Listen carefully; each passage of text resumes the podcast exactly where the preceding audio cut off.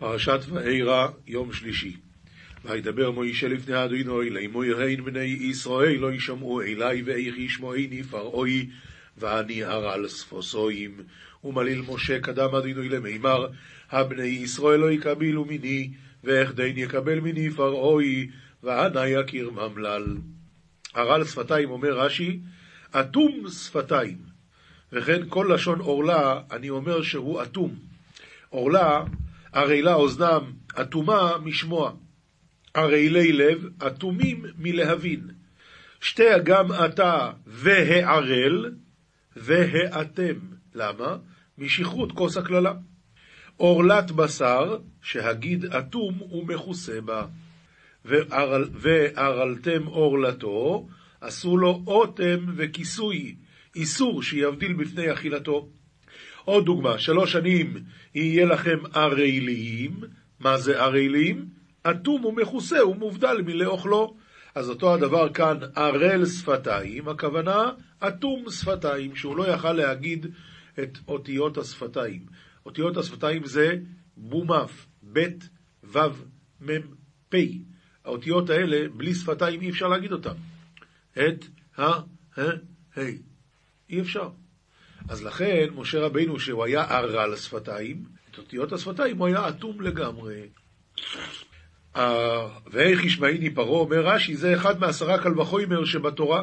כי קל וחומר, הן בני ישראל לא ישמעו אליי, ואיך ישמעיני פרעה ואני ערל שפתיים, אז כל המפורשים שואלים, הרי זה קל וחומר פריחה.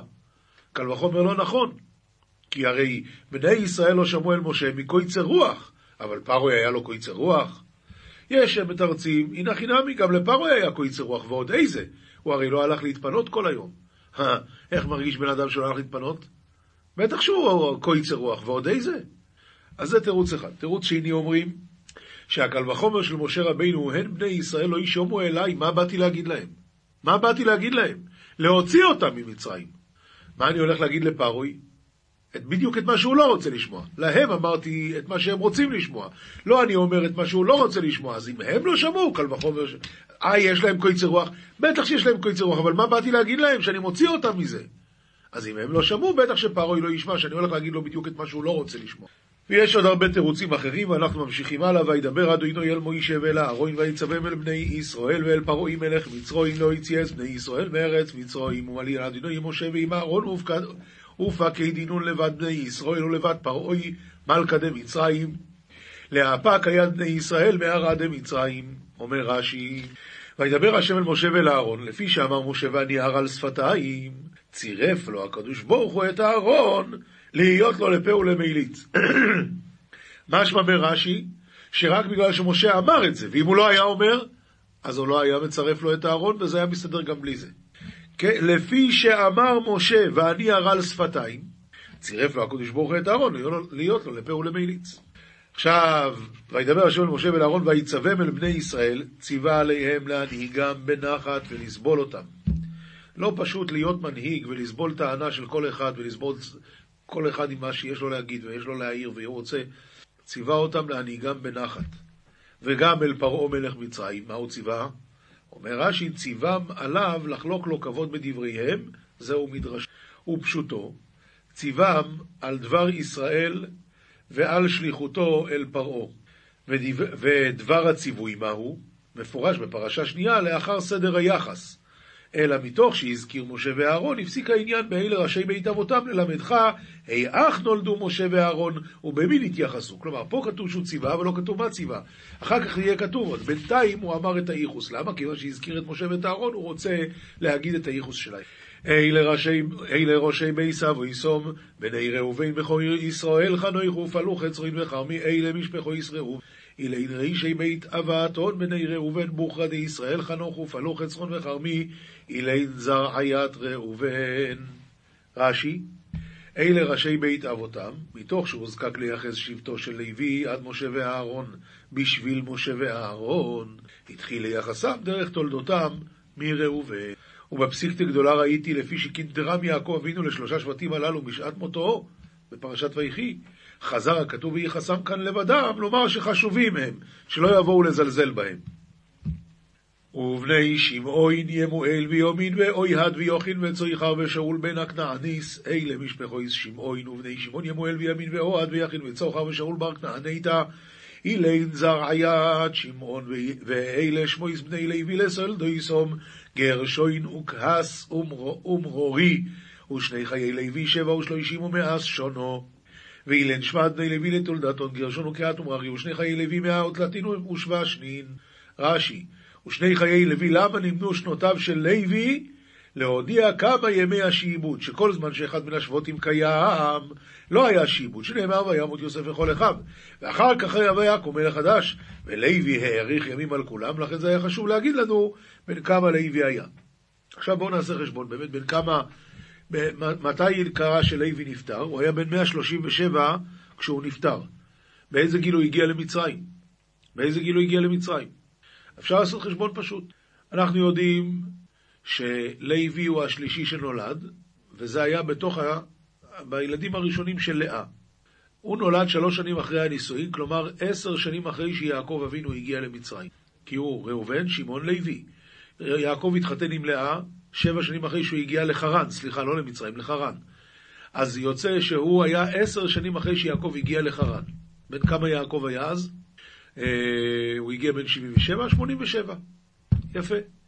עכשיו, באיזה גיל יעקב אבינו הגיע למצרים? בן 130 שנה. בן 130 שנה. נכון. אז יוצא שבן כמה היה לוי? אם הוא נולד כשיעקב אבינו היה בן 87, אז זה 13 שנה, אז היה בן 43. יפה. אז עכשיו, מ-43 עד 137, יוצא שיש לנו פה עוד 87, עוד 86 שנה. 86 שנה. יוצא שמכניסת ישראל למצרים 86 שנה עוד לא התחיל השעבוד.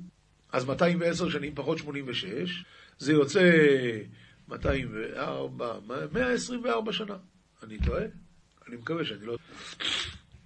אז התחיל קצת השעבוד, 137, פחות 43, 100, אה, לא, 137, 137, פחות 40, אז זה 94, 84, 94, 94.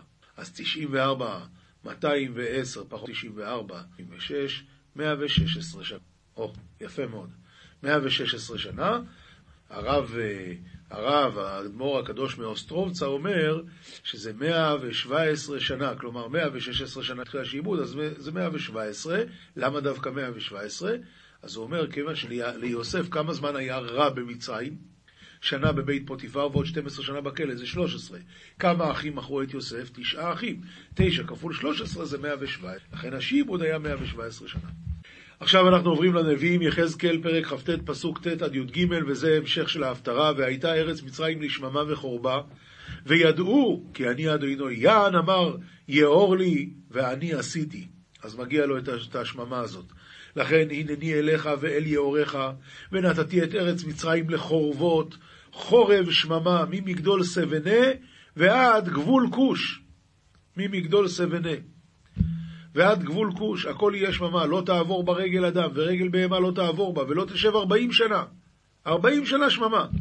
ונתתי את ארץ מצרים שממה בתוך ארצות נשמות ואריה בתוך ערים מחורבות, מוחרבות. תהיינה שממה ארבעים שנה והפיצותי את מצרים בגויים וזרעיתים בארצות.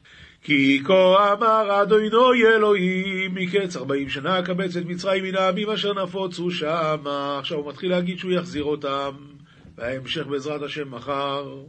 משלי, משלי פרק י"ג פסוקים ב' עד ז', מפרי פי איש יאכל טוב, ונפש בוגדים חמס.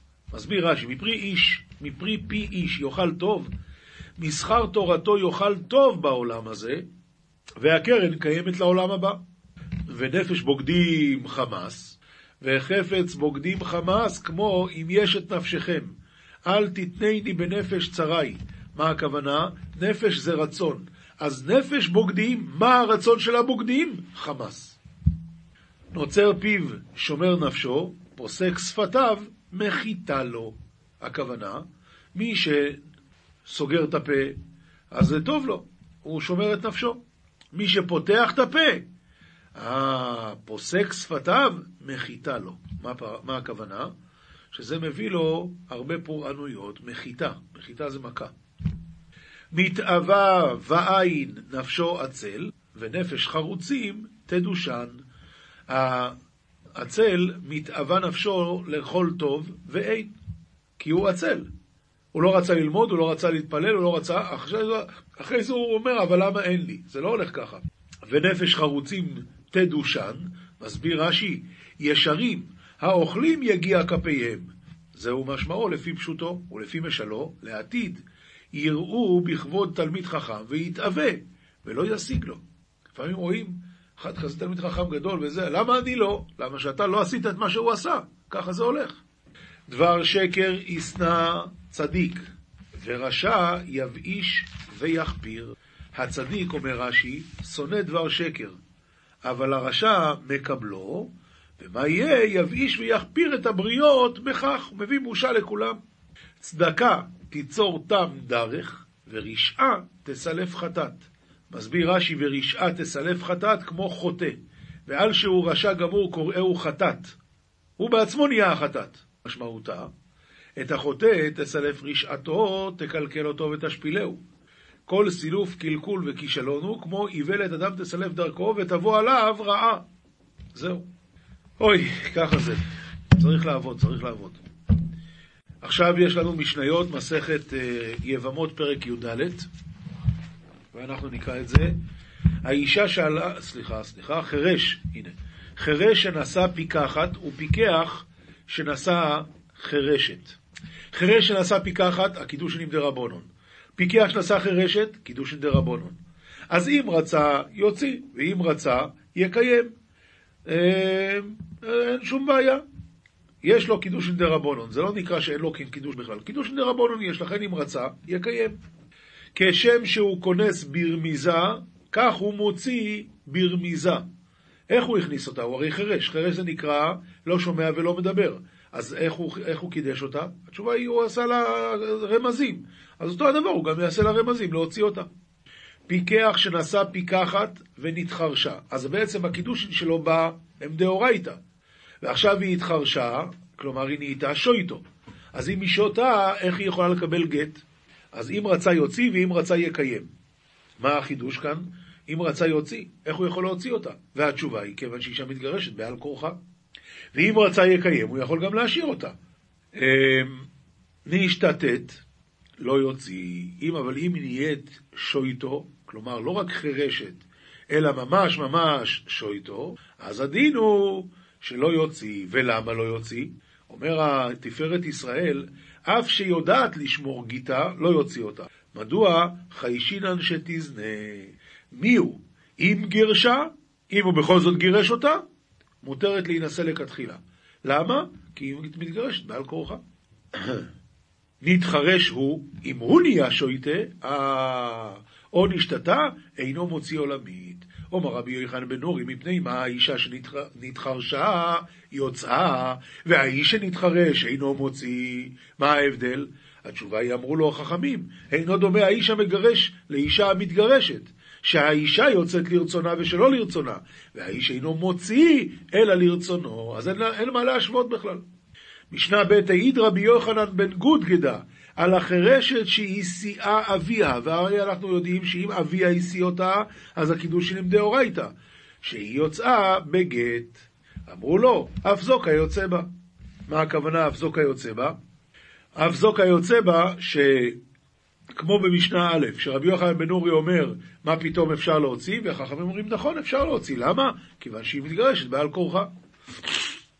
משנה ג' שני אחים חרשים נשואים לשתי אחיות חרשות, אז בשניהם הקידוש נמרק רבונון. או לשתי אחיות פיקחות, אבל האחים הם חרשים, אז גם כן קידושין דה רבונון, או לשתי אחיות, אחת חרשת ואחת פיקחת, או שתי אחיות חרשות נשואות לשני אחים פיקחים שהקידושין הם דרבנן, או לשני אחים חרשים שוודאי הקידושין דרבנן, או לשני אחים, אחד חרש ואחד פיקח, אז אחד הקידושין הם דאורייתא ואחד הם דרבנון. הרי אלו פטורות מן החליצה ומן הייבום. למה? למה הן פטורות מן החליצה ומן הייבום? אומר הרב, דהואיל ושניהם חרשים, או שתיהן חרשות, אז כקידושי זו, כך קידושי זו, כלומר, זאת שנפלה לפניו לאיבום, היא כמו זאת שאשתו, ש... ו... ועטו קידושין דאשתו, אף על פי שאינם גמורים, ומפקי זיקת יבימתו, שהרי אינה זיקה גמורה. אז אם הקידושין שלו עם אשתו הם דאורייתא, ועכשיו אחותה נפלה, אז היא יוצאת החוצה. ואם אחותה היא רק מדרבנון, אז בטח שהיא יוצאת החוצה. ואפילו הקידושין שלו עם אשתו הם גם כאן רק מדרבנון, אבל זאת שנפלה היא גם מדרבנון, אז שוב היא יוצאת החוצה. ואם היו נוכריות, יכנסו. ואם רצו להוציא, יוציאו, יוציאו. משנה ד', שני אחים, אחד חירש ואחד פיקח, נשואים לשתי אחיות, פיקחות, אז באחד הקידושין דאורייתא ואחד הקידושין דרבנון. מת חירש בעל הפיקחת. עכשיו, החירש בעל הפיקחת, הוא נפטר, ואשתו נופלת לאיבום לפני אחיו. מה יעשה פיקח בעל הפיקחת? תצא משום אחות אישה. תצא משום אחות אישה. מי תצא? תצא משום אחות אישה? הזאת שנפלה יוצאת. היא יוצאת משום אחות אישה. מת, מת פיקח בעל הפיקחת, מה יעשה חירש בעל הפיקחת? או, כאן יש לו בעיה, כיוון שנפלה לפניו קידושין דאורייתא, ואשתו שלו היא רק קידושין דרבונון. אז הדין הוא שמוציא את אשתו בגט, ואשת אחיו אסורה לעולם. למה? כיוון שסוף כל סוף מדרבונון היא אחות אשתו. אז זה בעיה. שני אחים פיקחים, נשואים לשתי אחיות, אחת חירשת ואחת פיקחת. אז באחד הקידוש דאורייתא ובאחד דרבונון מת פיקח בעל חירשת. אז הדרבונון באה להתייבם אצל הדאורייתא. מה יעשה פיקח בעל פיקחת? תצא משום אחות אישה. אבל מת פיקח בעל פיקחת, ואז נופלת הדאורייתא לפני הדרבונון, מה יעשה פיקח בעל החרשת? מוציא את אשתו בגט ואת אשת אחיו בחליצה. שני אחים, אחד חירש ואחד פיקח, נשואים לשתי אחיות, אחת חירשת ואחת פיקחת. מת חירש בעל חירשת, מה יעשה פיקח בעל פיקחת? שום דבר, תצא משום אחות אישה. מת פיקח בעל פיקחת, מה יעשה חירש בעל חירשת? מוציא את אשתו בגט, כי אשתו היא רק דרבונון, וזאת שנפלה היא דאורייתא, ואשת אחיו אסורה לעולם. שני אחים, אחד חירש ואחד פיקח, נשואים לשתי נוכריות פיקחות, מת חירש בעל הפיקחת. מה יעשה פיקח בעל הפיקחת? מה שהוא רוצה, או חולץ או מייבם. למה? זה אישה זרה, למה שהוא לא יכניס אותה? מת פיקח בעל פיקחת, מה יעשה חירש בעל פיקחת? כונס, ואינו מוציא לעולם. כונס, כי היא נפלה אליו מזיקת אחיו הפיקח. אז זה דאורייתא. אבל לא יכול להוציא, כיוון שיש לו קידוש דאורייתא, והוא יכול לגרש רק מדרבנון, כי, לא, כי הוא חירש. אז ממילא הוא לא יכול להוציא לעולם. שני אחים פיקחים נשואים לשתי נוכריות, אחת פיקחת ואחת חירשת. מת פיקח בעל חירשת, מה יעשה פיקח בעל פיקחת? כונס, ואם רצה להוציא, יוציא, כי הוא, הוא הכל בסדר. מת פיקח בעל הפיקחת, מה יעשה פיקח בעל חירשת? או חולץ, או מייבם, וזהו. שני אחים, אחד חירש ואחד פיקח, נשואים לשתי נוכריות, אחת חירשת ואחת פיקחת. מת חירש בעל חירשת, מה יעשה פיקח בעל פיקחת? כונס. ואם רצה להוציא אחר כך, יוציא. מת פיקח בעל פיקחת, מה יעשה חירש בעל חירשת? כונס ואינו מוציא לעולם.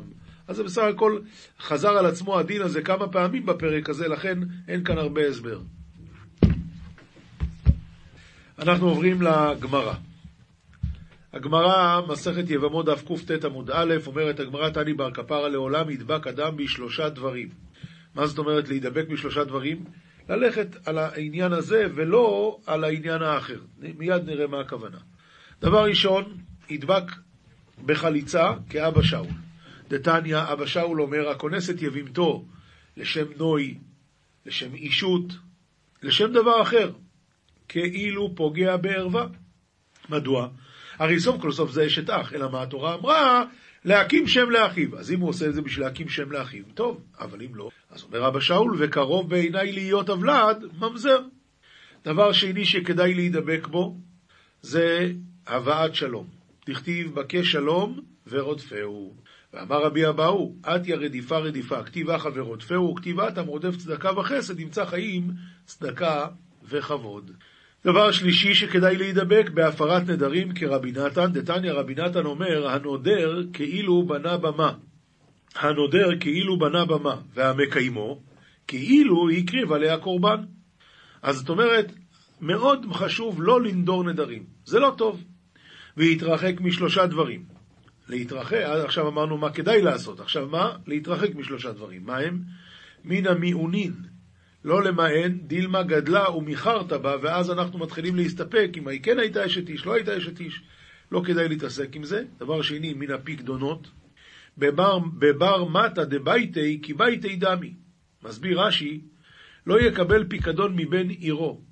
דבייתי כי בייתי דמי, שרגיל אצלו וייטול את שלו ויחזור ויתבענו. הוא רגיל להיכנס אצלך בבית, ויכול להיות שהוא ייקח בלי רשות את המשכון, ואחרי זה עוד יבוא, את הפיקדון, ועוד הוא יבוא אחרי זה לבקש את זה עוד פעם. אז לא כדאי להתעסק עם דברים כאלה. דבר שלישי, הוא מן הערבון. להיות ערב זה לא טוב.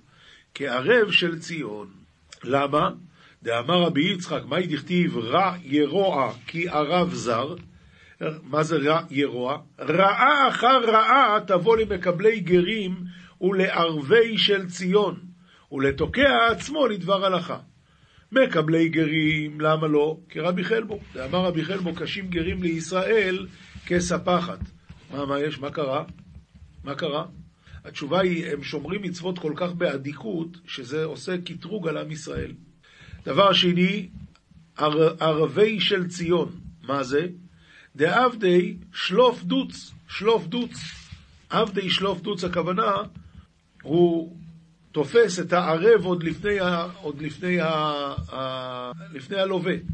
אז זה לא כדאי. דבר אחרון, תוקע עצמו לדבר הלכה, מה הכוונה? דתניא רבי יוסי אומר, כל האומר אין לו תורה, אין לו תורה. שואלת הגמרא, פשיטא. אם הוא אומר שאין לו, אז אין לו. התשובה היא, אלא כל האומר אין לו אלא תורה, אז אין לו אלא תורה. שואלת הגמרא, הנמי פשיטא, מה אמרת? אלא דאפילו תורה אין לו, זה הכוונה. מה טעמה? עומר רב פופה, עומר קרוב, ולימדתם ולמדתם ועשיתם. כל שישנו בעשייה, ישנו בלמידה, וכל שאינו בעשייה, אינו בלמידה. אין לו, אומר הרש"י, אפילו תורה, אפילו שכר לימוד אין לו. אם הוא לא מקיים את התורה, אז גם על לימוד התורה אין לו כלום. ואי באית אימה לעולם כדאמרינן מי קורא, שכל האומר אין לו אלא תורה, אין לו אלא תורה. ומה הכוונה? לא צריכה דקה מגמר לאחריני, ואז לוועבדי. הוא מלמד לאחרים, הוא לא מקיים, אבל הוא מלמד לאחרים, ואחרים כן מקיימים. מהו דתימה איתלי אגרא לדידי, אז גם הוא יקבל על זה תיווך. כמה שמלן שלא יקבל כלום. ואי באי תימה תוקע עצמו לדבר הלכה, הכוונה בדיינה דעתי דינא לקמי. בא, די, יש דיין, ובא לפניו דין, וגמר הלכה, ומדע ממילתא למילתא. והוא למד את ההלכה, אבל מה? הוא מתחיל לדמות, ובמקום לעיין במקרה הזה, הוא מדמם אה, מקרה למקרה. ואיתלי רבה, ולא אזי שייל, הוא לא הולך לשאול את רבו. דאמר רבי שמואל בר נחמני, לעולם יראה דיין עצמו כאילו חרב מונחת לו בין ירחותיו, וגיהנום פתוחה לו מתחתיו, שנאמר, הנה מידתו של שלמה, שישים גיבורים סביב לה מגיבורי ישראל, וכולם אחוזי חרב עובדי מלחמה, מפחד בלילות. מה הכוונה בלילות? מפחדה של גיהנום הדומה כן, אז אדם צריך ללמוד תורה וגם לעשות את התורה. ואם אדם לא עושה, אז אין לו, אין לו שכר אפילו על הלימוד של התורה. ואם הוא לא עושה והוא מלמד אחרים והם כן עושים, אז גם על מה שהם עושים הוא לא מקבל שכר. זוהר, ואירו, דף כ"ט עמוד א', רבי חייא קם ליליה חד למילאי באורייתא. הוא קם לילה ללמוד תורה. והווה אימי רבי יוסי, זאת הדעה ורביה. ורבי יוסי הקטן, כשהוא היה עוד ילד, הוא קם אה, ללמוד איתו ביחד. פוסח רבי חייא ואומר, לך אכול בשמחה לחמך ושתה בלב טוב ייניך, כי כבר רצה אלוקים את מעשיך. מה יקרא מה שלמה דאמר היקרא? מה, מה שלמה המלך אמר? למה הוא אמר את זה? אלא שלמה כל מילי בחוכמה הבו. כל מה ששלמה אמר זה הכל דברים חכמים. והי דאמר לך אכול בשמחה לחמך. בשייטא דברנש אזיל באורחוי דקודשא בריחו. קודשא בריחו מקרב לגבי ויהיב לי שלווה ונייכה. אדם הולך בדר, בדר, בדרך הקדוש ברוך הוא, אז, אז, אז, אז, אז הקדוש ברוך הוא מקרב אותו אליו, ונותן לו שלווה ומנוחה. כדי נעמה וחמרא דאכיל ושתי בחדווה דליבה, בגין דקודשא בריחו יתראי בעובדי, בעובדוי. אז הלחם והיין שהוא אוכל ושותה הם בשמחת הלב, למה? כי הקדוש ברוך הוא שמח במעשיו. עומר ליהו רביה, אי אחי, האמרא דכל מילוי דשלמה בחוכמת אהבו. אנו חוכמת האחה. אתה אמרת שהכל חוכמה, איפה פה החוכמה? מה יש? עומר לי, ברי, תיבה של בישולח ותחמי היקרא. אז אומר לו רבי חייא, בני, בני, אומר לרבי יוסי, תבשל את הבישול שלך, כלומר, קודם שהשכל שלך יתבגר, ואז אתה תראה ותבין כמה חוכמה יש כאן. אומר לי, עד לא בשיל נא ידענה. אומר לו הילד, רבי יוסי, אני עוד לפני שהתבשלתי, לפני שאני הגעתי לבשילות שלי, אני כבר מבין מה כתוב פה. הוא אמר לי, מינה לך, מאיפה יש לך ידיעה? אומר לי, קל אחת שמענה מאבא דעה ואמר בהיקרו, אני שמעתי את אבא שלי מסביר את הפסוק הזה. דשלמה כעזר לי לברנש להעטרה לכנסת ישראל בשמחה דיהו סדרא דימינה. ששלמה הזהיר לו לאדם לאתר לה לשכינה הקדושה הנקראת כנסת ישראל בשמחה. במצוות עשה התלויות במידת החסד שהוא צד הימין, ואי הוא נעמה דהתעתר בחדווה. והוא סוד הלחם ששורשו מצד החסד, שתתעתר השכינה על ידו.